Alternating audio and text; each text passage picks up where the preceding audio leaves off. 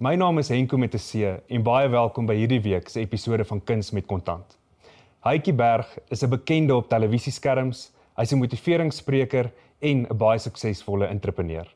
Sy boek Hytjie Berg, my storie van hoop, was 'n blitsverkoper en 'n topverkoper. En ek het hom genooi om vandag vir ons te kom vertel van sy paaie van geld, maar ook van hoop. Hytjie, baie welkom by Kuns met Kontant. Dankie Henko. Ek ek moet eintlik sê Hytjie met 'n lang y, nê. Nee. So Ja. jy sê nou Henko met 'n C. Ek moet eintlik sê Hytjie met 'n lang y. Mense dink partykeer is dit hyk soos hyk fish. Soos H A K E. O, soos hyk soos die vis. Nee, nie hyk soos die vis nie. H lang y K I E. In graad 5 het jy 'n uh, liefde ontwikkel vir kunstklasse, jy het kunstklasse geneem, jy het aan 'n kunstwedstryd deelgeneem wat jy gewen het en die onderwysers vir jou goue sterretjie daarop geplak en in die skool se saal gehang. Ongelukkig was jy 'n besige mannetjie toe gewees en terwyl jy gekyk het na hierdie prentjie wat jy geteken het en wat jy die kompetisie mee gewen het, het 'n onderwyseres jou uit die saal uitgejaag en gesê jy is net te stout. Ek ek het hierdie wonderlike huis. Ek sal dit nooit vergeet nie. Was hierdie huis wat ek geverf het. Driedimensionele huis en alles en die prent het toe in 'n kunskompetisie so goue ster gewen wat in die skool gehang het, maar dit was nie in die klas wat die onderwyser na my toe gekom het nie. Dit was in die naskool, in Juffrou Verona. Naam was Juffrou Verona. Wat sy net gesê het wat sy my, wel, hulle het gesê ek moet gaan omdat ek was 'n ontwrigting vir die kinders. Verskriklike ontwrigting. In die ouer huis by my ma lê het dit maar so al oorgekom dat ek is weggejaag want ek was net 'n groot ontwrigting geweest. So daai ster in plaas van dat ek hierdie ster gekry het met die wel ek het met hierdie wonderlike prent wat ek geteken het, is ek toe weggejaag en ek moes by die huis sit en ek het toe nou nie aangegaan daarmee nie. 'n baie hartseer toneel wat jy vir my skets in jou boek is toe jou ma ingeroep is deur die onderwyseres. Jy het bygestaan um tydens hulle gesprek en die onderwyseres het vir jou ma gesê dat hierdie kind gaan eendag in die tronk opeindig. Ja. In daai jare was daar nie die kennis van vandag van goed soos ADHD en oppositional defiance disorder en jy weet al hierdie verskillende amper leerprobleme en geestesversteurings vers, veral onder jong kinders en kinders wat nie in hoofstroomskole kan inpas nie. So ek is gebrand as 'n kind wat ongelooflik stout is en impulsief is en die en regtig in daai jare verskriklik maar die label gekry het van die kind wat in die strate gaan opeindig en in die tronk gaan opeindig bloot omdat ek nou nie in die skoolstelsel kon kon ingepas het nie. So my ma dags, my ma was briesend geweest. In daai jare het die ouers jou nie huis toe gevat en dan het hulle teruggekom en op die onderwyser se se kop kom ding is omdat hulle dink die onderwyser is verkeerd nie. Jy is by die huis weer jy weet gedissiplineer. As 'n klein kind het jy nie die onderskeidingsvermoë om te weet jy weet wat kom van die vyand af, wat kom van die Here af nie, wat se stemme is waar. Hoekom sê 'n groot mens my onderwyser dit vir my dat ek gaan in die tronk beland? Is dit regtig so en jy glo hierdie goed? Ek bedoel en ek het daar aan die Bybel gaan vas en ek het my dood gehad want ek het gedink okay, maar ek gaan eendag seker in die tronk beland en dit was regtig 'n 'n defining moment in my lewe wat bepaal het van daai oomblik af waar in watter direksie my lewe gaan gaan. Jy het ook baie onlangs ook 'n boek uitgebring wat suiwer handel en mense bewus maak van aandaggebrek hiperaktiwiteitssindroom of ADHD.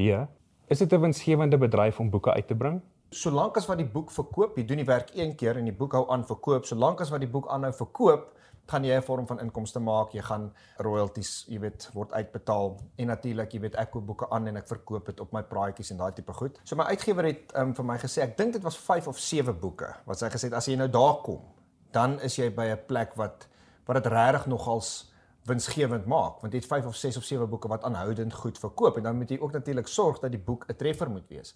Die boek wat jy skryf, dit is nie die uitgewer se werk vir jou om geld te maak nie. Dit is soos dit is soos 'n akteur wat dink sy agent moet vir hom werk kry.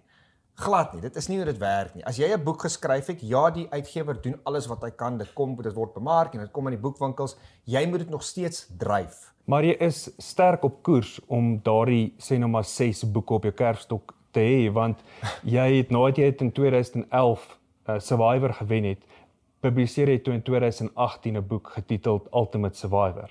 Ultimate Survivor is die Afrikaanse boek My storie van hoop wat vir Engels is. En die ja, so dit is die Engelse vertaling van My storie van hoop. En hoekom? Maar dit is 'n tweede boek. Jy's heeltemal ag, ekskuus, 'n derde boek. Jy's heeltemal reg, want dit is vir 'n heeltemal 'n ander mark.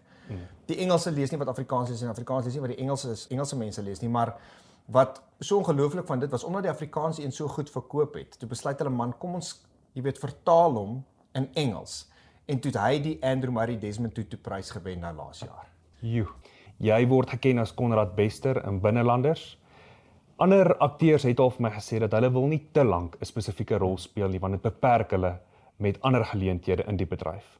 Hoe ervaar jy dit? Ja, ek stem absoluut saam. Ek het jare terug het Frans Mars altyd vir ons gesê moenie langer as 2 jaar in 'n CP bly nie. Hy het dit tot vir sy eie CP akteurs gesê. So ek het altyd daai reël gevolg, 2 jaar en dan weer 2 jaar en dan weer 2 jaar en die res het ek gevryskut. Wanneer by binnelanders kom, ek was 2 jaar daar toe ek bedank. Toe ek jare later weer teruggegaan en weer teruggegaan vir 2 jaar toe ek weer bedank. En toe het hulle vir my gesê, luister, um, Hans gaan dalk nou 'n bietjie aftree, kan ek hier inkom en 'n bietjie die hospitaal kom kom bestuur nie en die enigste rede hoekom ek teruggegaan het was juis omdat ons het ander prioriteite vandag as dit kom by ons besigheid en ons werk en al daai tipe goed. So akteur wees is nie meer net die be all and end all vir my nie. Ek het baie ander belange en baie ander passies. Vir iemand wat net wil toneel speel, is dit dalk 'n 'n belangrike ding om aan te dink, maar ek het baie belange. So maar ek stem saam met hulle. Die 2011 Survivor gewen het, mm. is ek seker. Ek het dit gevolg en jou dop hou. Jy moes verseker uitgeslaap gewees het. Jy moes vol plannetjies gewees het om op die ouende te kon wen. Moes jy plannetjies maak tydens die COVID periode om finansiëel uit te kom? Dink ek wil net gou vir jou sê met Survivor. Enige ou wat nou Survivor gaan doen het, dink hy gaan daar ingaan met plannetjies en allerlei dinge. En elke liewe ou wat nog tot dusver gewen het, sal vir jou sê dit was nie omdat hy so goeie strategie gehad het nie. Dit is absoluut absoluut genade. In terme van COVID Kyk die miljoene wat ek gewen het was wonderlik geweest. Mense moenie sê geld is nie 'n goeie ding nie. Geld is 'n wonderlike ding. Jy weet, om 'n miljoen rand in te kry is is amazing. Om te kyk, jy weet, in jou rekening was daar net kom ons sê 1000 rand, net jy 1 miljoen 1000 rand en op daai jaar hoef ek nie taxe te betaal ja. nie. Ek het 'n miljoen rand gewen en op daai stadium het ek my mentor jy weet ontmoet 'n ou wat regtig 'n belang in my uh, jy weet en aanklank in my gekry het soms Wouter Snyman hy's die CEO van Atu. So ek het vir my 'n T-shirt gaan koop met die geld en toe het ek vir my 'n sak gaan koop. Ek het my 'n fossil sak. Dis wat ek met die geld eintlik gedoen het. En ek het van die geld belê.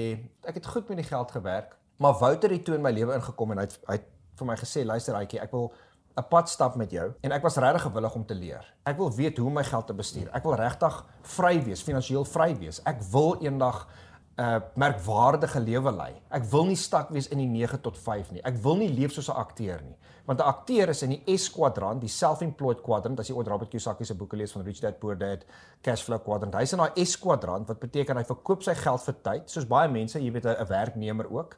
Hy verkoop sy tyd vir geld van 9 tot 5. As hy nie sy tyd vir geld verkoop nie, maak hy nie geld nie. Ek het gesien hoe ek films gemaak het jare gelede, sulke kunsfilms. O, oh, een het dit so sleg gedoen want niemand het in daai jare regtig kunsfilms gekyk nie. Dit was altyd maar die toilet humor gewees. Ja. En ons het hierdie kunsfilm gemaak ouma se slim kind ja 20 jaar terug. Ja. Dit dit was die eerste kunsfilm in 10 jaar na Kittinka se Paljas wat ons gedoen het.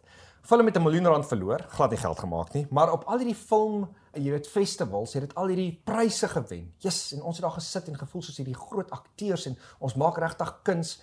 En ek sal nooit vergeet nie, 2 weke nadat ons by die Victoria Film Festival was, waar die film weer eens 'n prys gewen het sien ek een van die karakters wat saam met my op die film was op 'n Very Mark ad. O, oh, wouer, ek wil dit glad nie hê nie. Ja. En soos ek toe aangegaan het in die bedryf het ek besef ek moet begin belangstel in ander goed. Ek moet myself soos 'n besigheid begin bestuur. Ek moet besef ek het ander talente ook gekry. Jy het nie net een talent gekry nie. Ek was in in verskeie, ek gaan nou nie eens alles opneem van verskeie goed wat ek in betrokke geraak het, uh, besighede wat ek begin het, wat ek gedink het dit gaan goed en jy sien nie dollars en dan val alles plat en jy verloor verskriklik baie geld. So jy het ek het baie baie baie skoolgeld betaal.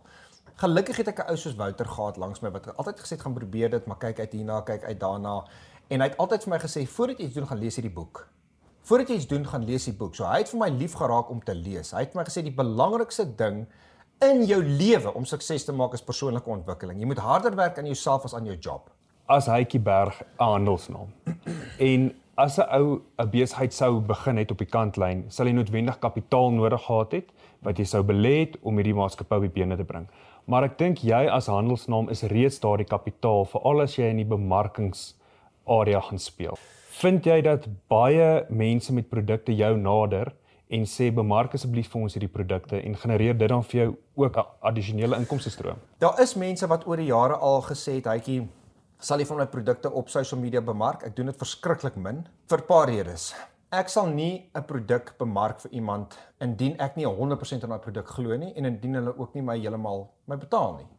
Ek gaan nie iets verniet vir iemand doen nie. Ek het dit al voorheen gedoen en dan kry iemand wat sê, "Maar jy het sy produkkie gedoen, hoekom doen jy nie my produkkie nie?" Ja. Jy weet? Ja. So daai daai tipe ding begin. En behalwe as hulle my regtige my fooi wat Webfluential bepaal, jy weet, daai fooi betaal, as dit vir hulle regtig so belangrik is, dan sal hulle die geld betaal. As dit nie vir hulle nie belangrik is nie, dan dit maak aan my glad nie saak, glad nie. Op my blad, ek is verskriklik kieskeurig met wie ek 'n pad sal stap en ek moet glo in jou, ek moet glo in die waarde van die company, ek moet glo in jou eie values en en dit moet kan waarde toevoeg vir die ou wat daarna kyk. Mm. Hytjie, ons het hierdie episode afgeskop met 'n storie oor jou as kind en ek wil dit graag afsluit deur terug te kom na jou passie toe wat jy het vir kinders. Sal jy ons meer vertel oor Creative Kids? Hierdie tweede boek wat ek geskryf het oor ADHD en regtig leerprobleme en geestesversteuring en dit gaan regtig eintlik oor kinders wat nie in hoofstroomskole inpas nie. So ek wou nog altyd 'n uh, 'n plek gehad het wat ek sulke kinders kon help en mens is nie natuurlik altyd die pionier van sekere drome in jou lewe nie. Partykeer is die droom klaar daar en die Here stuur jou maar net in 'n rigting om om saam met iemand anders hierdie droom klaar te maak. So ek het betrokke geraak by Creative Kids met 'n Z, twee kampusse, een in Alberton en een in Pretoria Oos wat splinternuut gebou is en is 'n uh, 'n skool wat remedierende onderrig gee vir kinders wat sukkel om in hoofstroomskole te wees, soos ADHD, disleksia, dysgrafia, wat ongelooflik is en ons is die goedkoopste en die beste in die hele land. Ons kyk na 'n derde kampus en dit is my so lekker om te sien dat hierdie kinders floreer in hierdie tipe klasse omdat die skoolstelsel in die laaste 100 jaar nog glad nie verander het nie, maar kinders het verander, moet die die benadering van onderwys ook verander. Jy weet en dis al wat remedierende onderrig regtig is. Ons doen vol caps kurrikulum, maar die benadering van die kind, hoe om hierdie kind te leer word bietjie aangewerk. So dis regtig waar my hart is en my passie is. En wat ongelooflik is, ek dink wat in enige ou se lewe gebeur is, is dat jou groot jou passie of jou roeping in jou lewe glo kom uit 'n groot deel van jou pyn uit. En as jy in daai rigting ingaan, kan jy nie anders as om suksesvol te wees nie. Ons het as kind geleer skaak speel en skaak gaan oor skuwe maak deur die lewe. So ek en jy gaan nou 'n potjie skaak speel en ek wil vir jou baie dankie sê. Oh! Jy by ons kom kuier het op kuns met kontant. Kom speel Survivor want dis wat dit is. Dis wat dit is. Maar dan gaan jy my dan gaan jy my wen want jy het al Survivor Nee, gewen. dankie Henko. Dankie luisteraars. Dankie Aitjie.